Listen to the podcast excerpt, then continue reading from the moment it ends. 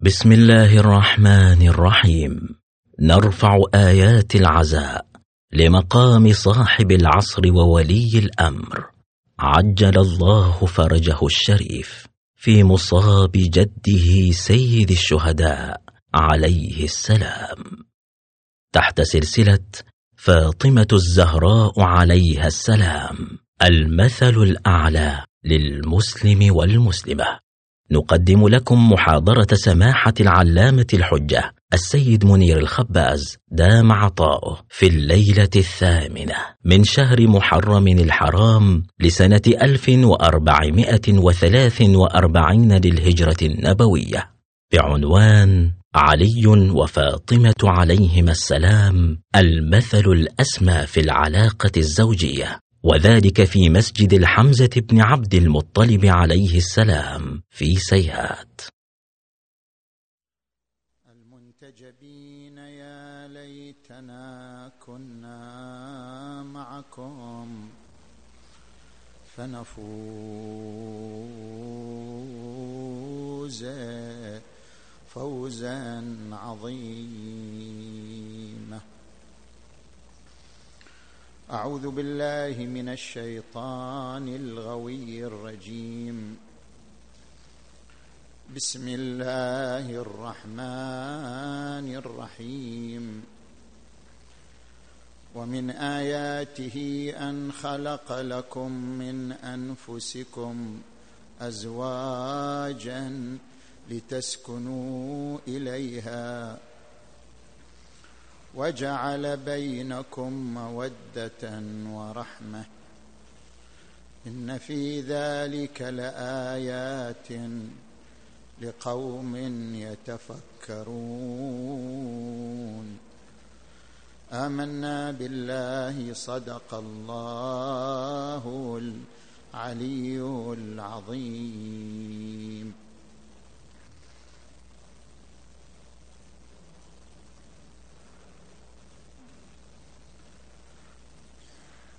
انطلاقا من الآية المباركة. نتكلم في ثلاثة محاور. الزوجية في الرؤى المتنوعة. ومشروع الزواج السعيد.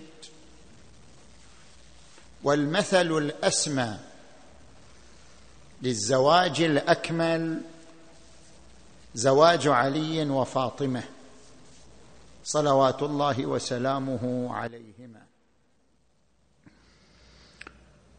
المحور الأول الزوجية في الرؤى المتع... في المر في الرؤى المتنوعة. ما هي حقيقة الزوجية في علم النفس في علم الاجتماع؟ لدى الحركة النسوية لدى الفكر الديني. هناك رؤى متنوعة في تحديد علاقة الزوجية وفي قراءة علاقة الزوجية. الزوجية في نظر علم النفس كما يذكر جون جراي أن الزوجية تبتني على أمرين.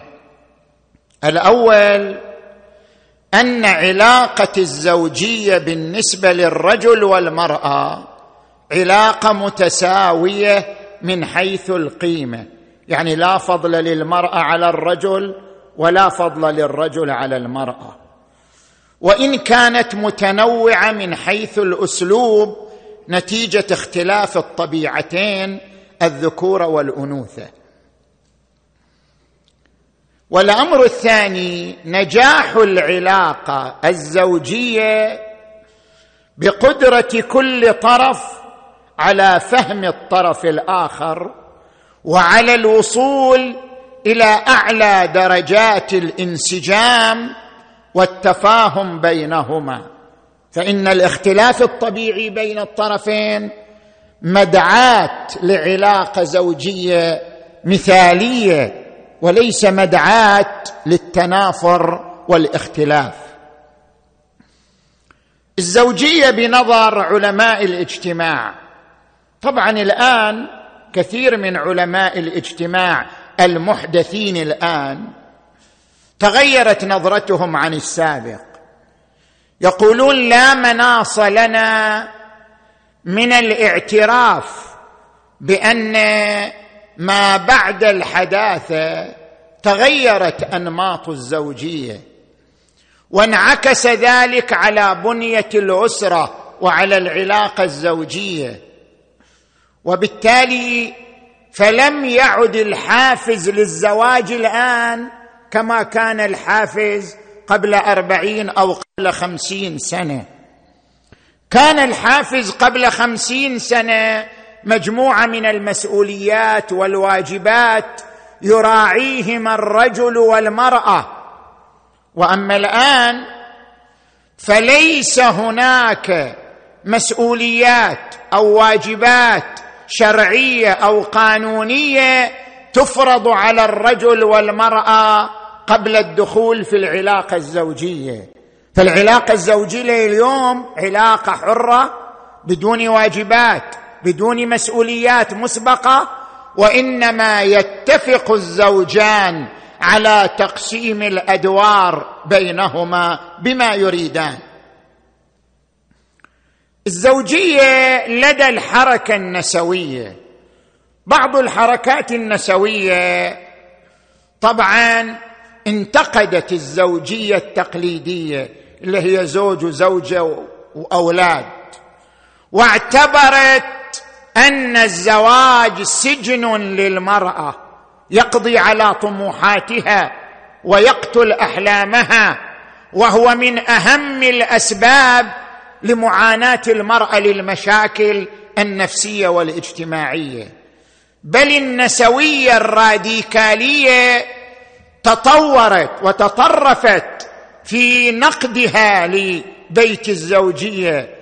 ودعت إلى التنكر للزوجية وفتح العلاقات الجنسية بأنماطها العديدة دون حدود.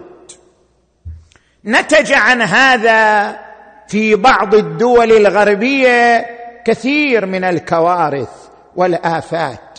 يعني أنت من ترجع إلى موقع Live Science يذكر أنه على مستوى الولايات المتحدة زين؟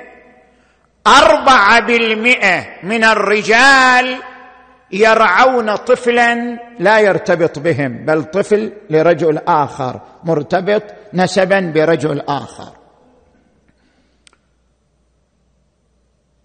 تجي الآن إلى الزوجية في الفكر الديني. ماذا تعني الزوجية في الفكر الديني؟ نحن نأخذ هنا ثلاث آيات من القرآن الكريم لنعرف معنى الزوجية بحسب المنظور القرآني. الآية الأولى وهي الآية التي افتتحنا بها. ومن آياته أن خلق لكم من أنفسكم ازواجا لتسكنوا إليها وجعل بينكم مودة ورحمة. شوف لاحظوا التعبير. القراني الدقيق ثلاث مفردات تستحق التأمل. المفرده الأولى قال من آياته يعني يعتبر الزواج آية من آيات الله. كيف يعني الزواج آية من آيات الله؟ كوجود الشمس كوجود السماء والأرض لخلق السماوات والأرض. أكبر من خلق الناس. يعتبر الزواج آية من آياته. لماذا؟ لأن كلا الطرفين من خلال بيت الزوجية يجسدان القيم الفطرية. الإنسان بفطرته يميل إلى الحب. الإنسان بفطرته يميل إلى الرحمة. الإنسان بفطرته يميل إلى السكينة. كل هذه القيم الفطرية يجسدها الإنسان من خلال بيت الزوجية. اذا بيت الزوجية تجسيد للجوهر الإنساني الفطري ولذلك اعتبره القرآن آية من آيات الله. المفردة الثانية قوله خلق لكم. شنو يعني لكم؟ الرازي في تفسيره يفسر اللام بلام الانتفاع. خلق لكم يعني لنفعكم. يعني المرأة خلقت لنفع الرجل أو المرأة خلقت لخدمة الرجل. هذا معنى لكم. بينما أغلب المفسرين يقول هذه اللام مو لام الانتفاع هذه لام التعدية. شلون لام التعدية؟ مثلا أنت تقول هذه الأجرة لهذه السيارة. يعني هذا جعل لهذا لا أنه للمنفعة. الاجره بازاء السيارة معادلة بينهما. تقول هذا الكتاب لهذه المدرسة. يعني هناك معادلة بين هذا الكتاب وهذه المدرسة. اذا خلق لكم من أنفسكم ازواجا يعني خلق ازواجا من أنفسكم لكم بينكم وبينهم معادلة. أنت زوج وهي زوجة هي كمال لك وأنت كمال لها. لأن اللام لام الانتفاع. زين؟ تجي إلى المفردة الثالثة. من أنفسكم. إيش معنى من أنفسكم؟ بعض المفسرين كما ذكرنا في بعض الليالي السابقة قال من أنفسكم يعني من جنسكم. يعني الزوج والزوجة من جنس واحد وهو جنس الإنسانية. والمفسرون الآخرون قالوا لا التعبير من أنفسكم إشارة إلى عمق العلاقة بين الزوج والزوجة. فكأن الزوج جزء من نفسه وكأن الزوج جزء من روح الزوجة. خلق لكم من أنفسكم ازواجا لتسكنوا إليها. ولذلك فرع على التعبير قال لتسكنوا إليها لأنها جزء منكم لتسكنوا إليها. وجعل بينكم مودة ورحمة. إن في ذلك لآيات لقوم يتفكرون. عندما تأتي إلى قوله تعالى هن لباس لكم وأنتم لباس. شنو معنى اللباس؟ متى يحتاج الإنسان إلى اللباس؟ ولباس التقوى ذلك خير كما يقول القرآن. متى يحتاج القرآن إلى اللب... متى يحتاج الإنسان إلى اللباس؟ يحتاج إلى اللباس ليحصل على الدفء من البرد ويحصل على الوقاية من الحر. يعني الزواج لباس يقيك من شره الجنس ومن الانزلاق والانحراف. اللباس زينة للإنسان يتزين به. اذا الزواج زينة. زينة الرجل زوجته وزينة الزوجه زوجها. اللباس يعطيك حالة من الدفء. اذا الزواج دفء. المرأة حضن دافئ لزوجها والرجل حضن دافئ لزوجته. اذا التعبير هن لباس لكم وأنتم لباس لهن إشارة إلى الستر والزينة والحماية والدفء وكل ذلك يتعنون بعنوان اللباس الذي يحتاج إليه الإنسان لهذه المضامين. ويقول تبارك وتعالى وعاشروهن بالمعروف إمساك بمعروف أو تسريح بإحسان. اذا من خلال هذه الآيات الثلاث نفهم أن الزواج أو العلاقة الزوجية في الفكر الديني يقوم على عدة معالم. المعلم الأول المعلم العاطفي. دعم الاستقرار العاطفي بين الطرفين. جاء رجل إلى رسول الله صلى الله عليه وآله قال يا رسول الله إن لي زوجة. إذا دخلت استقبلتني. مو استقبلتني تهاوشني. لا استقبلتني بالترحيب. إذا دخلت استقبلتني وإذا خرجت شيعتني وإذا رأتني مهموما. قالت ما يهمك. إن كنت تهتم لرزقك فغيرك يكفله. يعني الله وإن كنت تهتم لآخرتك فزادك الله هما.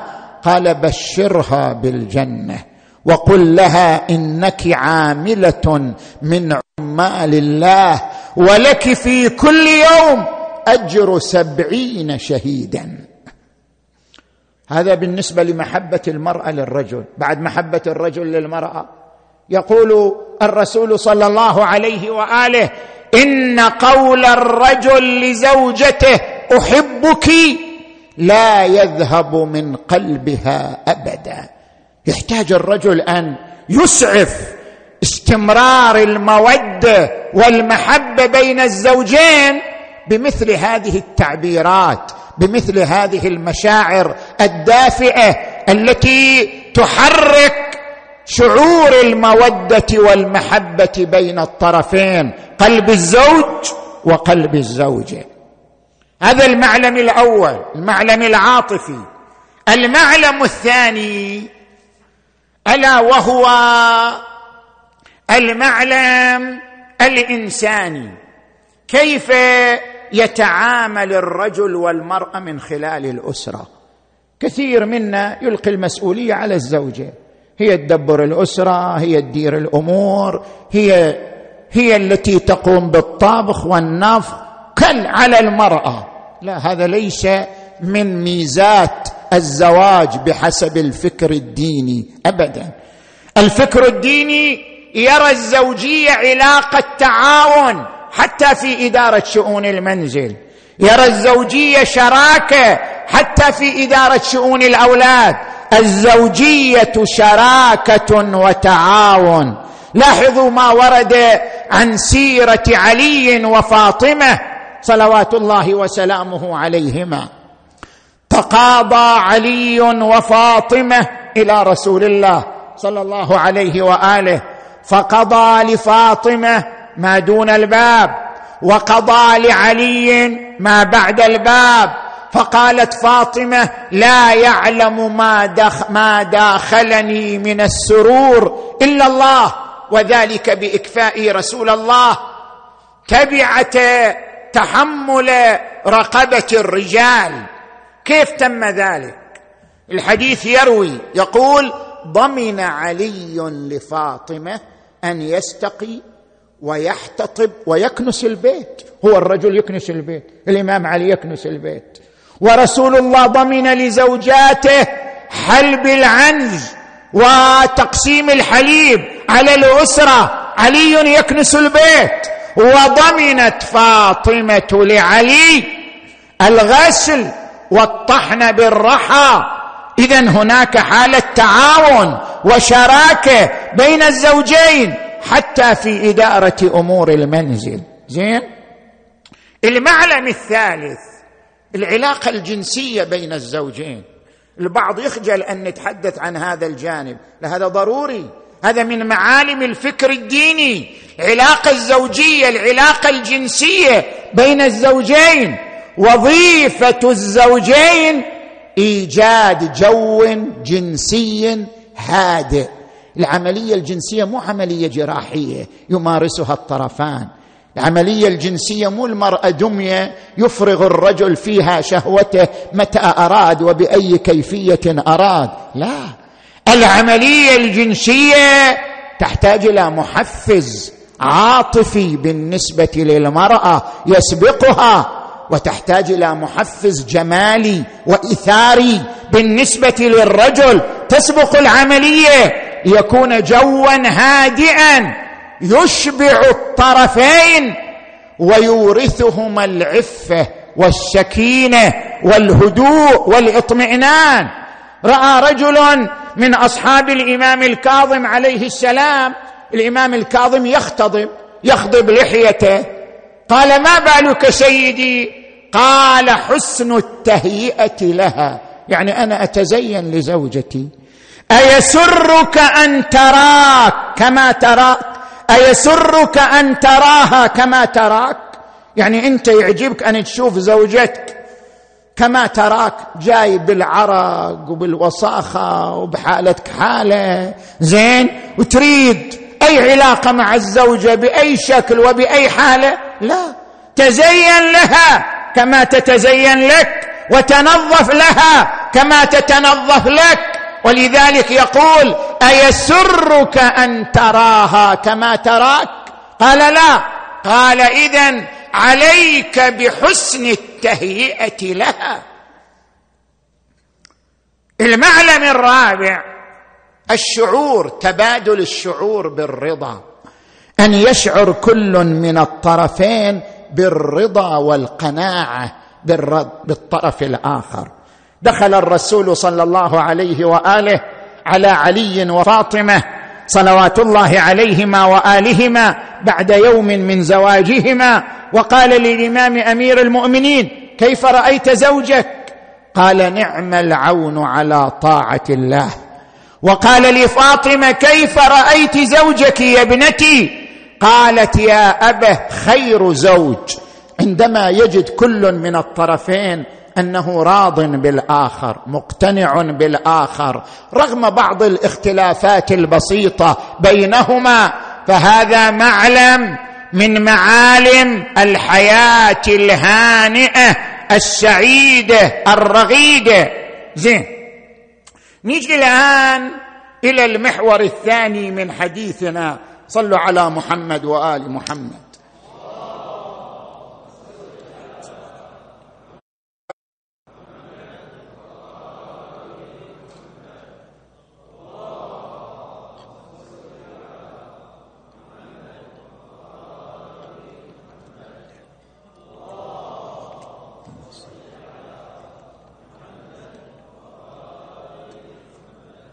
مشروع الزواج السعيد.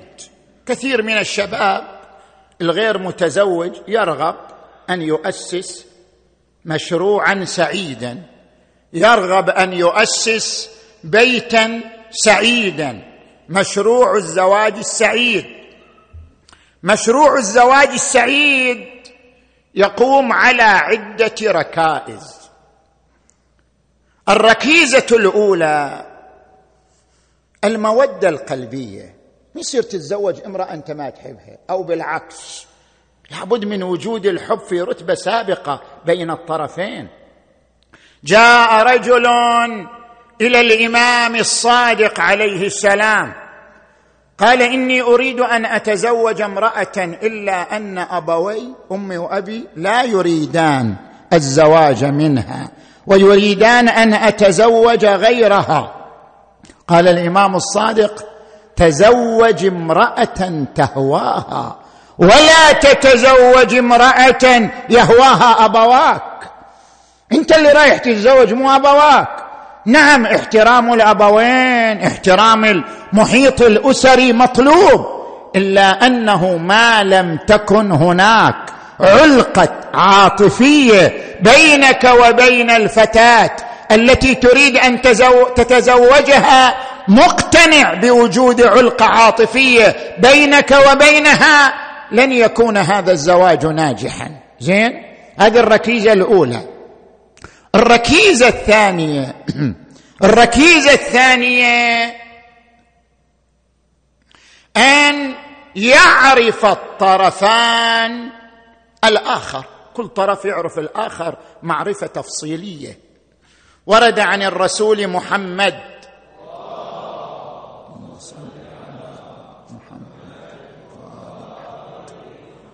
إذا جاءكم من ترضون خلقه ودينه فزوجوه إلا تفعلوا ذلك تكن فتنة في الأرض وفساد كبير. وورد عن الإمام الصادق عليه السلام الكفاءة أن يكون عنده دين. ولديه يسار. ومن جانب المرأة ورد عن الرسول صلى الله عليه وآله خير نسائكم الودود الولود العفيفة العزيزة. وورد عن الإمام الصادق عليه السلام خير نسائكم طيبة الريح التي إذا أنفقت التي إذا أنفقت لم تسرف. وإذا أمسكت لم تفرط. اذا هناك صفات للرجل والمرأة. الآن في زماننا كيف أنت تتزوج فتاة ما تعرفها؟ مستحيل. لابد أن يكون هناك معرفة تفصيلية. لابد أن تكون هناك صفات مدروسة لمدة طويلة بين الفتى والفتاة بين الرجل والمرأة. من هذه الصفات. ما هي مفهوم هذا الرجل عن الحياة الزوجية عن الحياة الأسرية؟ ما هي مفاهيمه عن الأسرة وعن بناء الأسرة؟ هذا اولا. ثانيا هل يمتلك القدرة هذا الرجل على فهم مشاعر المرأة واحتوائها وحل الخلافات معها؟ وبالعكس أيضا المرأة تركز والرجل يركز هل هذه المرأة قادرة على فهم الرجل واحتواء مشاعره وحل الخلافات معه أم لا؟ هذه الصفه لابد من التأكد منها. كما لابد من التأكد من ثقافته الدينية. شنو مقدار ثقافته الدينية؟ لابد من التأكد من الوازع الديني. هل يمتلك وازع ديني أمام أكل الحرام؟ أمام التبرج أمام إيه، الدخول في المعاملات المحرمة. اذا هناك أمور أربعة لا بد من تأكد كل من الطرفين تجاه الآخر. فهمه للحياة الزوجية قدرته على احتواء المشاعر ثقافته الدينية وجود الوازع الديني في شخصيته. الذي يقف حاجزا أمام الانزلاق وأمام ارتكاب المعاصي. كل من الطرفين يبحث هذه النقاط الأربع في الطرف الآخر قبل أن يقدم على عقد الزواج. زين؟ تجي الآن إلى الركيزة الثالثة. الركيزة الثالثة أنا الآن بنقلك إلى عوالم أخرى. التفت إلي جيدا. جوني جراي عنده كتاب اشتهر قبل ثلاثين سنة أو خمسة وعشرين سنة. الرجل في المريخ والمرأة في الزهرة. هذا الكتاب يعتبر أحد أكثر عشرة كتب تأثيرا في في الربع الأخير من القرن العشرين. ويعتبر من أكثر الكتب مبيعا على مستوى العالم. ترجم لخمس وأربعين لغة في مئة دولة. وهذا الكتاب ساهم في إصلاح كثير من العلاقات الزوجية وأوجب تحسنها عند من يقرأه سواء كان امرأة أو رجل. زين. بعدين هذا المؤلف شاف الأوضاع تغيرت الآن العالم يتغير كل يوم بسرعة. فكيف ما قبل ثلاثين سنة إلى الآن العالم يتغير؟ زين. لما تغيرت الأوضاع أصبح فهم الرجل للمرأة. وفهم المرأة للرجل أكثر تعقيدا مما كان.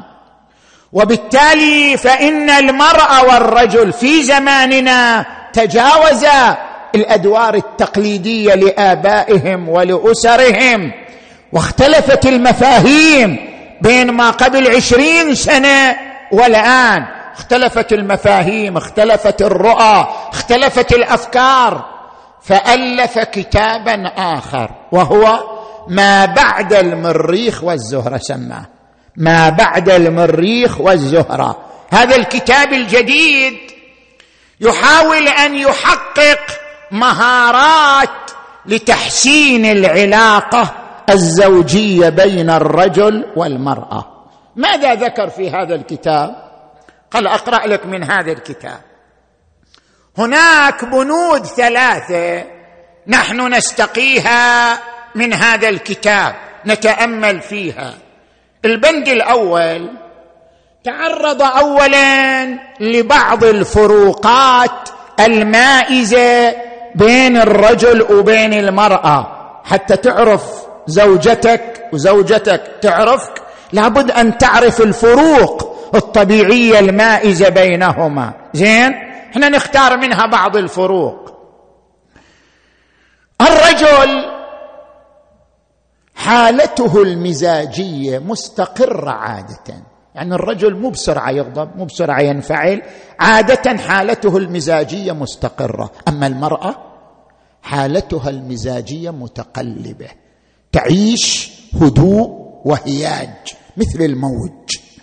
نتيجة لتغير أوضاعها الجسدية نتيجة مرور الدورة الشهرية قد تتغير ميولها قد تتغير بعض نظراتها قد تتغير بعض عواطفها. فهي تعيش حالة مزاجية متذبذبة. يجب أن يفهمها الرجل حتى يتعامل معها في كل ظرف بدقة وإمعان. لاحظت شلون؟ هذا الفرق الأول.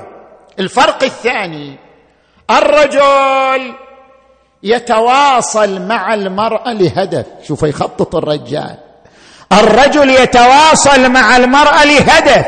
وراء هذا التواصل. لكن المرأة تعتبر نفس التواصل هدف. يعني كونها متواصلة مع زوجها هو في حد ذاته بالنسبة للمرأة هدف. هو في حد ذاته بالنسبة للمرأة مطلوب. زين؟ الفرق الثالث أن الرجل يبرز مشاعره بشكل واضح وصريح. بينما المرأة ما تريد الكلام الواضح.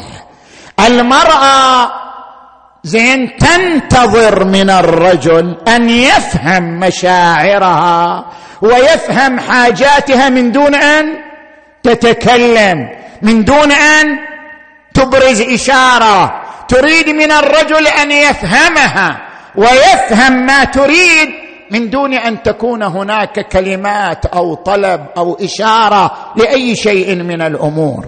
زين.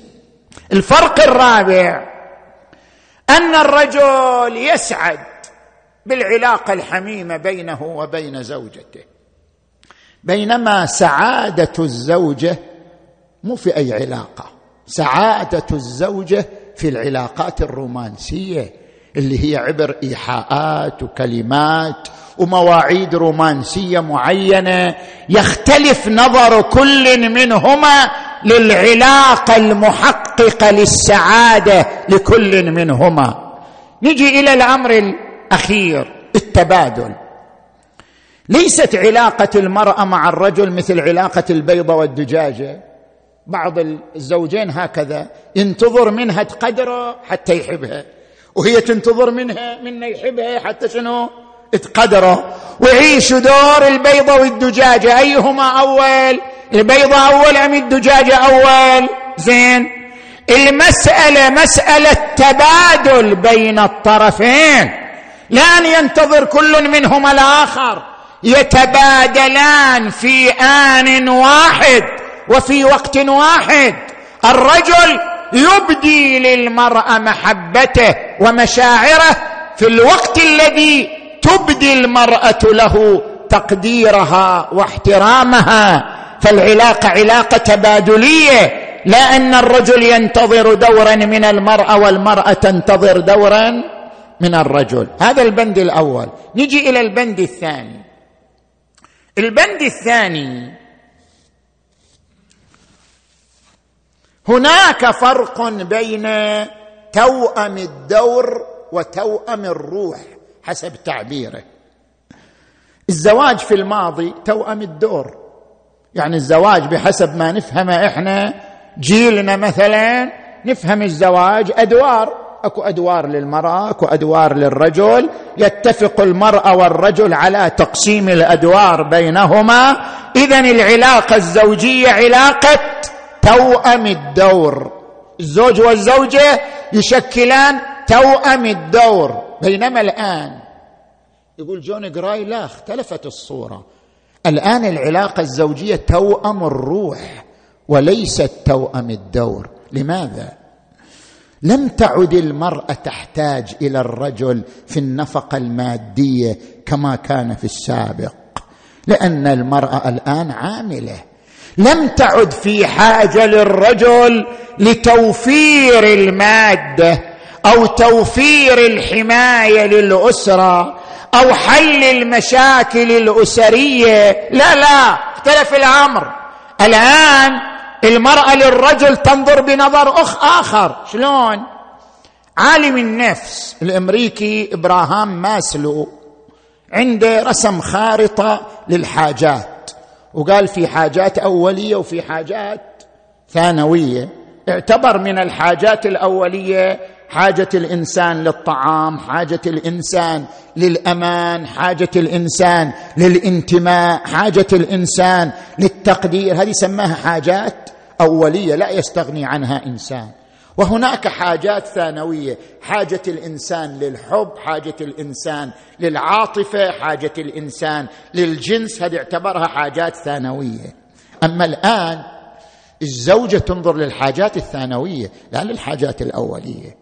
الزوجة الآن ما تحتاج إلى الزوج أن يوفر لها النفقة المادية أو يوفر لها الحماية الاجتماعية لأنها موظفة مستقرة في وظيفتها هناك رافد يكفلها. طبعا دينيا لا بحسب الرؤية الدينية يجب على الزوج نفقة الزوجه كما نبهنا على ذلك في الليالي السابقة. أنا أتكلم عن الرؤية الثقافية العامة. زين؟ فلم يعد الدافع هو توفير الجانب المادي. كما أن الزوج لا ينظر للمرأة الآن في الدور المنزلي تغسل وتنظف وتطبخ. خلاص استغني عن هذا الدور في المنزل. هناك طرق لأداء أدوار المنزل بلا حاجة للزوجه اذا ما الذي يدفع المرأة للزواج؟ إذا الزوج مو محتاج للعمل المنزلي. كل العمل المنزلي يمكن تأمينه من جهات أخرى. والزوجه مو محتاجه للجانب المادي. اذا ما الذي يدفع كلا منهما للآخر؟ حاجة كل منهما للإشباع العاطفي. حاجة الزوج للإشباع العاطفي. حاجة الزوجة للإشباع العاطفي. هو المحفز والمحرك نحو بيت الزوجية. وكيف يتم ذلك؟ يعني كيف نحافظ على استقرار بيت الزوجية من خلال إشباع النهم العاطفي؟ نجي الآن إلى البند الثالث. كلا الطرفين الرجل والمرأة يحتاج إلى الحب والتقدير. ولكن الأسلوب يختلف. تفهم هذا. ترى هذا موجود في مجتمعاتنا بصورة واضحة. ترى كثير من حالات الطلاق والانفصال تنتج عن عدم فهم مثل هذه النقاط. كيف يتعامل معها؟ كيف تتعامل معه؟ هذه نقطة مهمة جدا في العلاقة الزوجية. زين.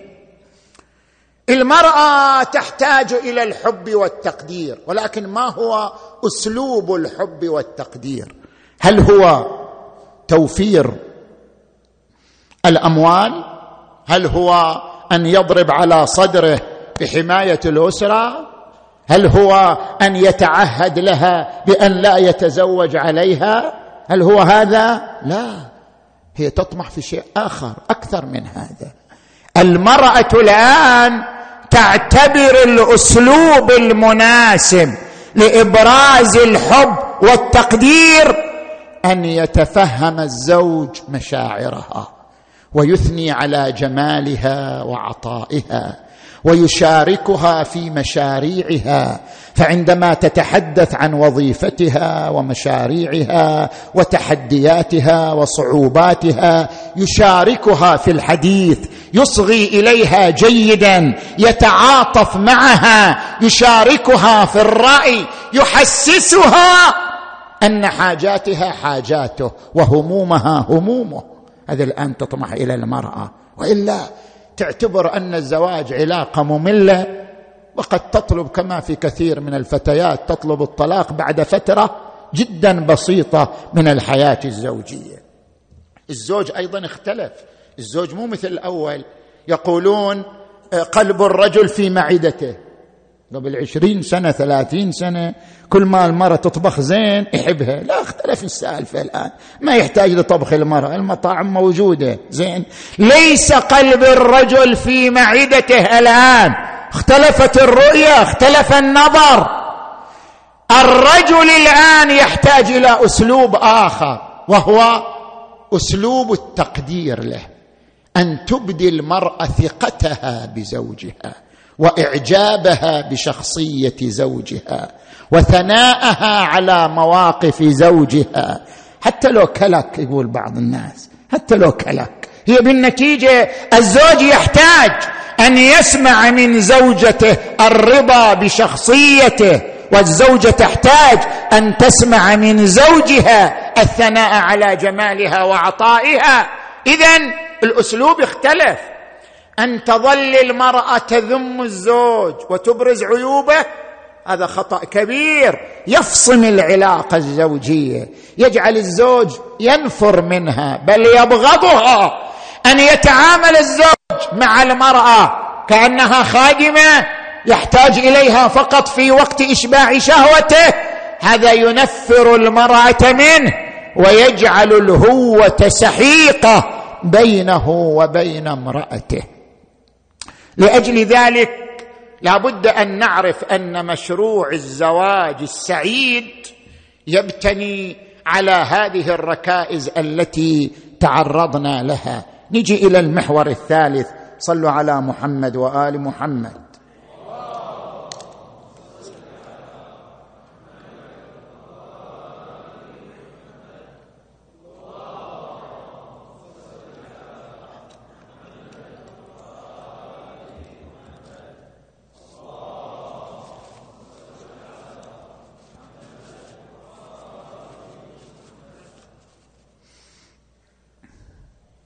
كما أننا نحتاج إلى وئام الأسرة وسلام الأسرة.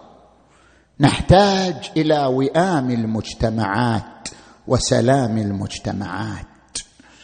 نحتاج إلى أن تعيش أوطاننا ومجتمعاتنا الوئام والأمن والسلام. إذا نظرنا إلى المجتمعات الآن التي فيها احتراب طائفي واقتتال طائفي نشكر الله تعالى أن مجتمعاتنا تعيش أمنا وسلاما ووئاما من هذه الجهة. لا يمكن للأوطان والمجتمعات أن تعيش أمنا وسلاما إلا إذا عاشت الروح الوطنية. إلا إذا عاشت روح المواطنة. ما هي روح المواطنة؟ نحن نقتبس من كلمة الأمين العام لرابطة العالم الإسلامي الدكتور محمد العيسى في مؤتمر مكة الأخير في شهر ذي الحجة. نقتبس من كلمته هذه الكلمات الذهبية الثمينة عندما قال ليس بين الشيعة والسنة إلا التفاهم الأخوي والتعايش الأمثل والتكامل والتعاون في سياق المحبة الصادقة مع استيعاب كل طرف للخصوصية المذهبية للطرف الآخر في دائرة الإسلام الواحد. هذه التعبيرات تعبر عن المواطنة المواطنة الحقيقية هي هذه. المواطنه الحقيقية تعني التفاهم الأخوي تعني التعايش الأمثل. ما قال التعايش السلمي؟ التعايش السلمي يصير بين أديان مختلفة بين أعراق مختلفة. لا الشيعه والسنة أبناء دين واحد وعرق واحد. لذلك التعايش مو بس تعايش سلمي تعايش أمثل والتعايش الأمثل والتعاون والتكامل بمعنى أن يشعر كل طرف أن الطرف الآخر عضو يكمله وعضو يتممه التعاون والتكامل. هذا هو الذي يحقق روح المواطنة. طبعا قبل هذه الكلمة من الأمين العام لرابطة العالم الإسلامي. انعكست في كثير من الأعمال والوظائف والشركات.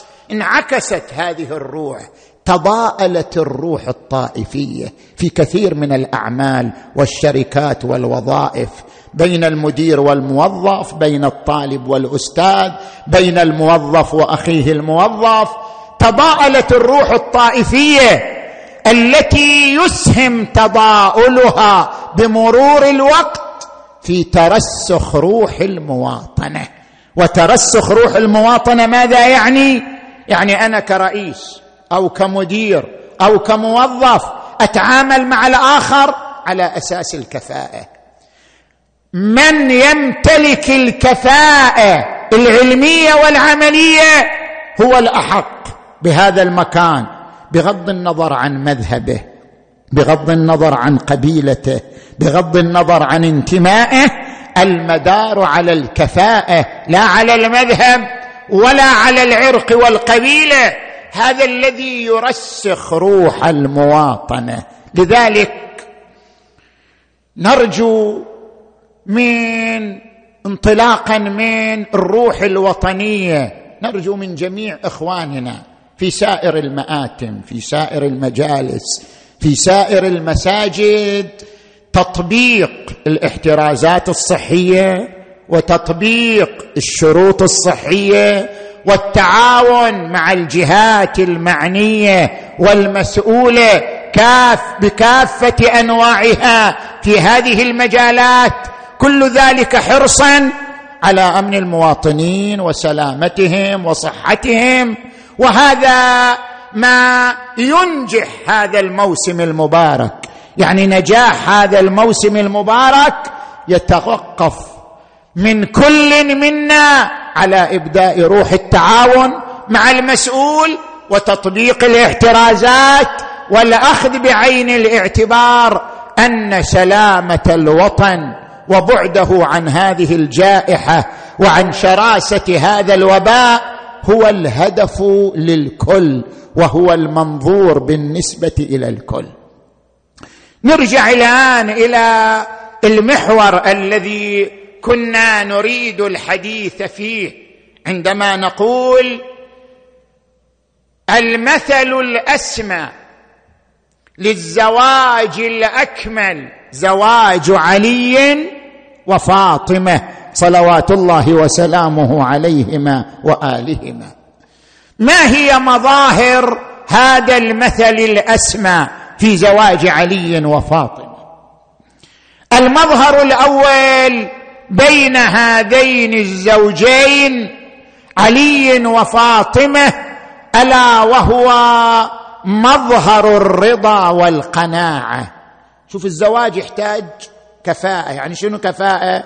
يعني أن ينظر الزوج إلى أن الزوجه كفء له مو أقل منه. وتنظر الزوجة إلى أن الزوج كفء لها مو أقل منها. بمجرد أن ينظر الآخر أنه دونه سوف يتعامل معه بروح التعالي والامتنان وهذا يفقد العلاقة الزوجية قيمتها وحرارتها. لابد أن ينظر كل طرف إلى الآخر أنه كفء له. وهذا ما كان بين علي وفاطمة. لذلك ورد في رواية الحسين بن خالد عن الرضا عليه السلام لو لم يخلق علي لم يكن لفاطمة كفء من آدم فما دونه. نجي إلى المظهر الثاني. المظهر الثاني من مظاهر هذا الزواج الأسمى. بين علي وفاطمة ألا وهو مظهر المعلم الكمالي. كيف يعني المعلم الكمالي؟ يعني الآن أنت عندما تقرأ قوله تعالى خذوا زينتكم عند كل مسجد. وفي آية أخرى يقول زين للناس حب الشهوات. شنو الفرق بين الزينتين؟ الزينة في المسجد والزينة المذمومة. زين للناس حب الشهوات. يعني في زينة حقيقية وفي زينة ظاهرية. الزينة الحقيقية هي أن تنظر للحياة عبرة للآخرة. والزينة الظاهرية هي أن تنظر للحياة مجالا لإشباع الشهوة. علي وفاطمة كانا ينظران إلى الزينه الحقيقيه لا إلى الزينه الظاهريه كيف ينظران إلى الزينه الحقيقيه أضرب لك مثال.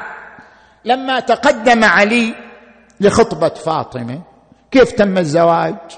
دفع لها مهرا بسيطا أربعمائة وثمانين درهم. وعندما جاء يأثث بيت الزوجية شنو هذا الأثاث؟ قميص.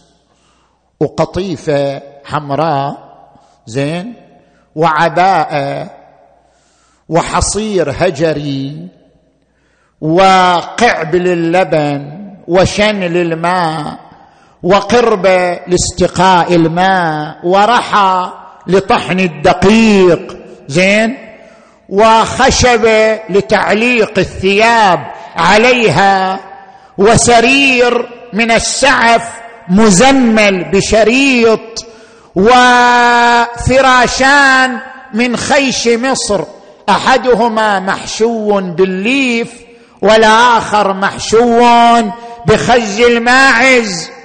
هذا كل أثاث بيت علي وفاطمة أثاث متواضع بسيط جدا. جاء به إلى بيته وفرش الأرض بالرمل الناعم ولما عرض هذا الأثاث على رسول الله صلى الله عليه وآله وهذه ابنته وحبيبته دمعت عيناه وقال بارك الله لقوم جل آنيتهم من الخزف وتم ذلك الزواج. بني على التواضع بني على النظر للحياة أنها عبرة بني على النظر للحياة أن الزواج ليس فرصة لإشباع النهم العاطفي كما يرى الغرب وليس فرصة لإشباع النهم الجنسي كما يراه طرف آخر.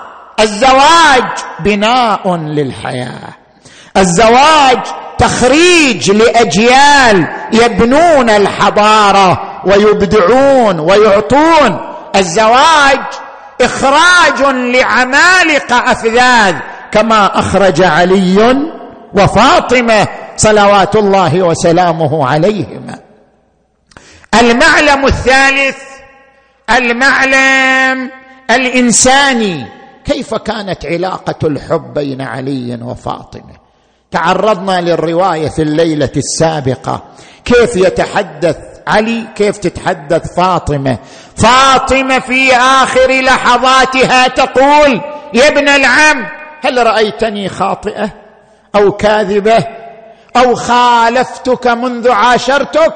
قال حاشا لله أنت أبر وأتقى من أن أوبخك. ويقول علي عنها والله ما أغضبتها قط. ولا أكرهتها على أمر قط حتى قبضها الله إليه. وكنت إذا نظرت إلى وجهها تنكشف عني الهموم والأحزان. هذه تنم عن عمق العلاقة علاقة المحبة والمودة بين الطرفين. زين؟ تجي إلى المعلم التربوي جسد علي وفاطمة قدوة للأجيال في مجال تعليم الأجيال. على أن الزواج شراكة على أن الزواج تعاون وتعاونوا على البر والتقوى ولا تعاونوا على الإثم والعدوان. جسد علي وفاطمة التعاون. ضمن علي لفاطمة أن يستقي ويحتطب ويكنس البيت. وضمنت فاطمة لعلي أن تغسل. وأن تطحن الرحى بيدها. اذا هذا مثال التعاون لجميع الأجيال. نجي إلى المعلم الأخير المعلم الروحي المظهر الروحي لذلك الزواج الأسمى. ورد عن الرسول محمد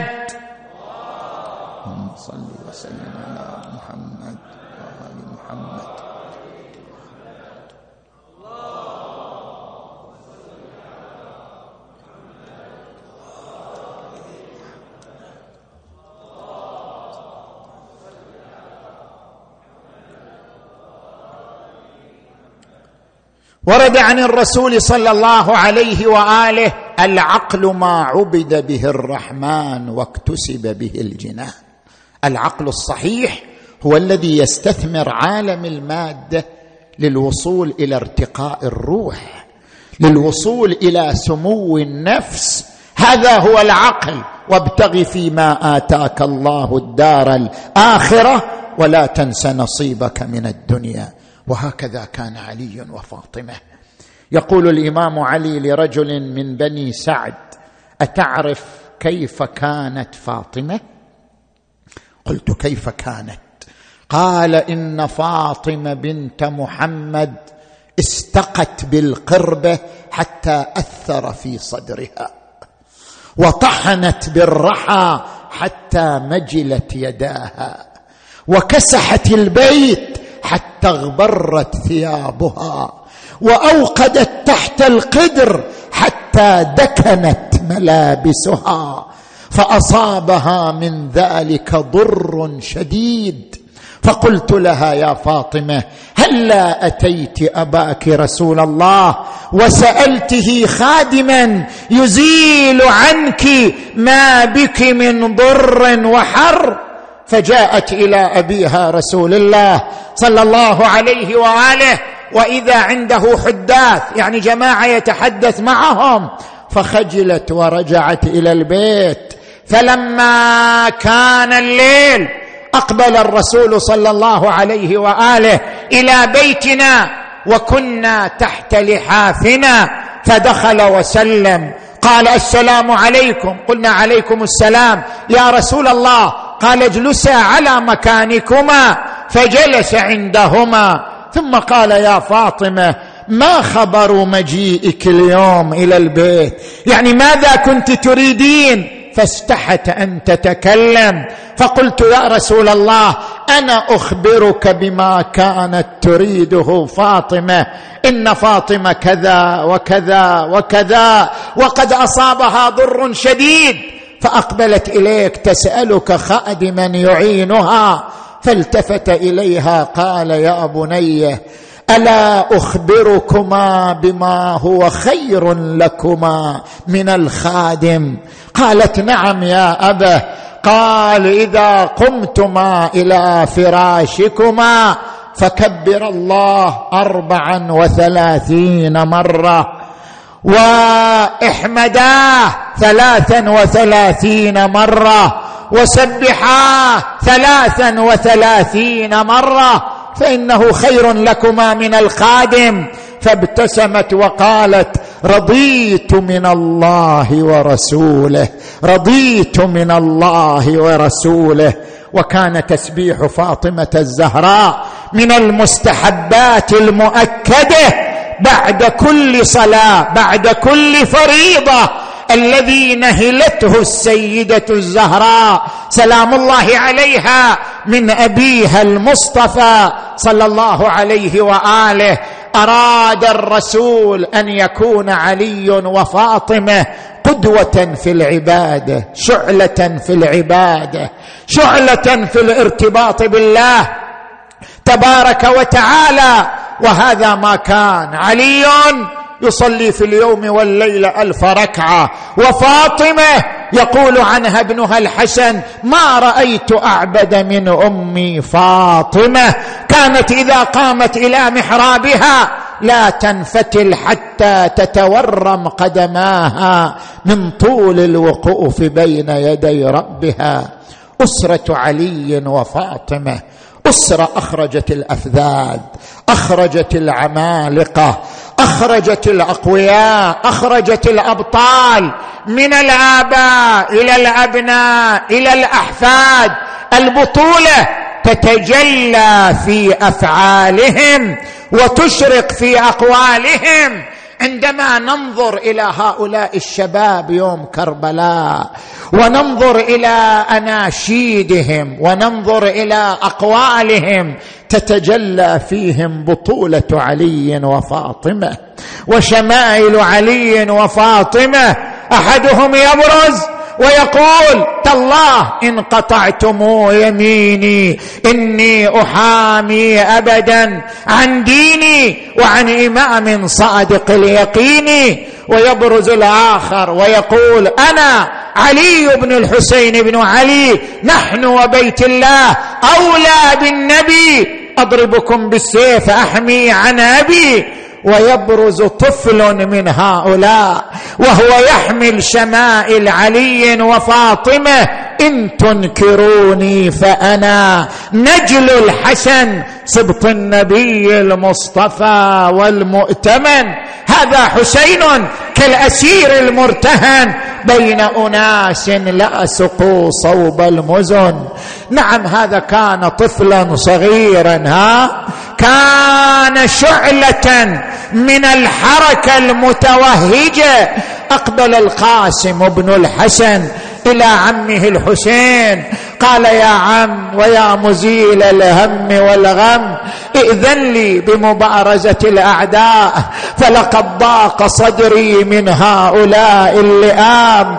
قال بني قاسم أنت شمامتي وريحانتي من الحسن. إذا تذكرت أخي الحسن شممتك وضممتك فكيف اذن بك إلى الموت؟ كيف أرخصك إلى الموت لا كان ذلك ابدا يا ابن أخي. قال وعم يا أبا عبد الله لا بد لي من البراز. قال يا قاسم أتذهب برجلك إلى الموت وأنت في أول شبابك.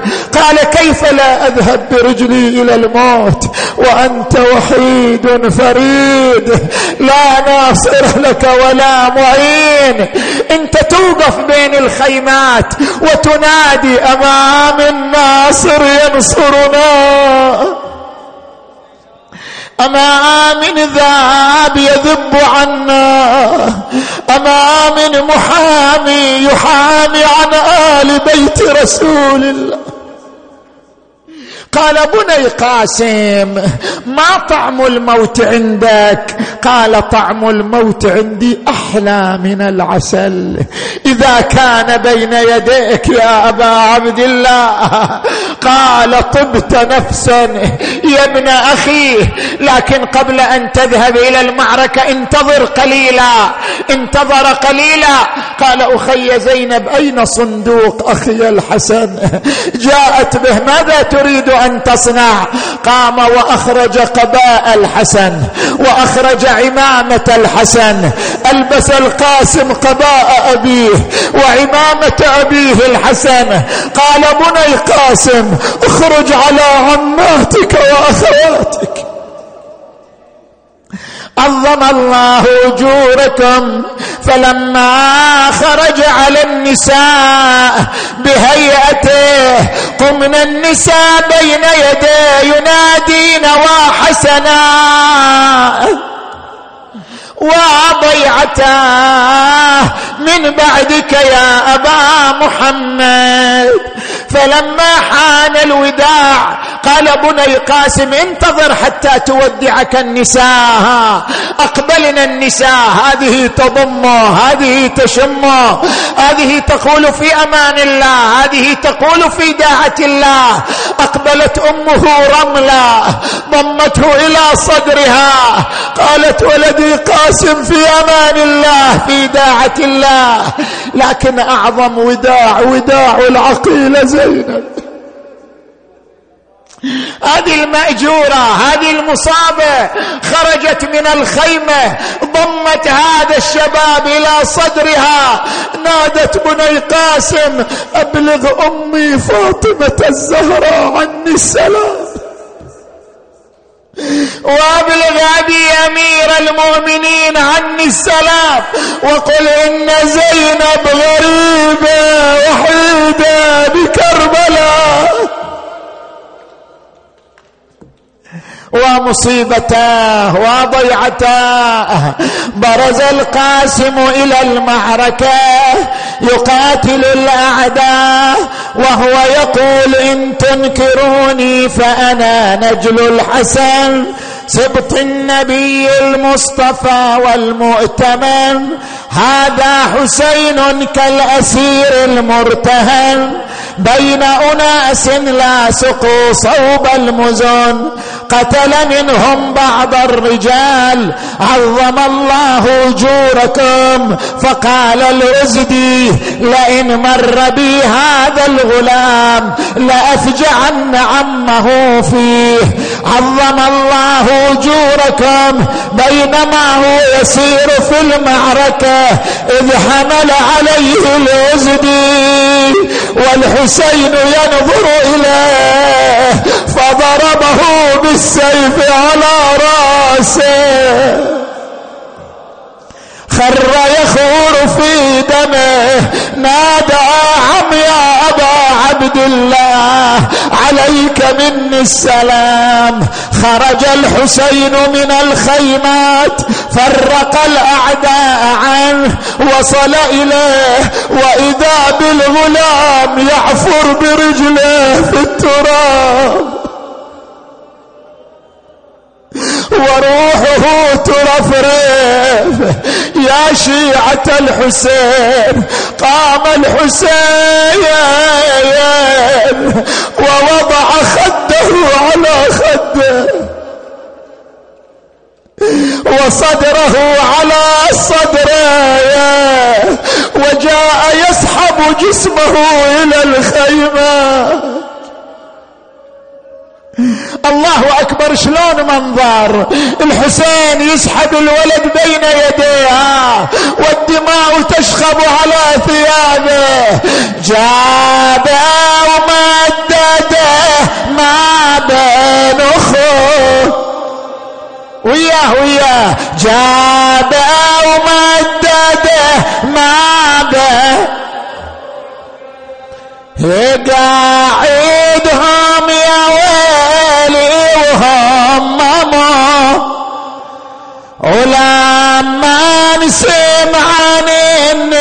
النسوان صوته.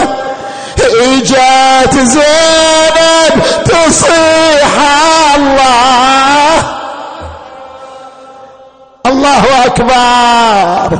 للقباير يا ولدي. زفان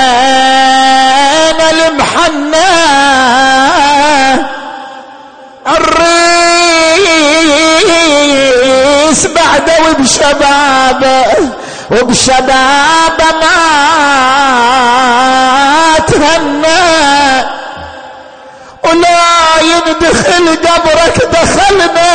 يا على القاسم العريس أم المكارم أقامت بيوم الطاف اعلى المآتم.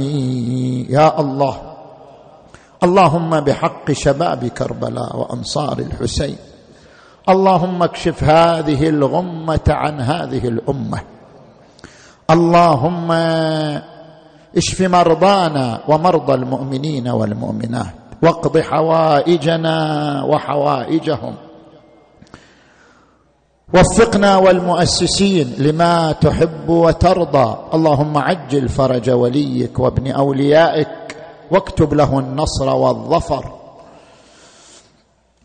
وإلى أرواح أموات المؤسسين والمؤمنين والمؤمنات الفاتحة. تسبقها الصلوات. الله صل على محمد وآل محمد.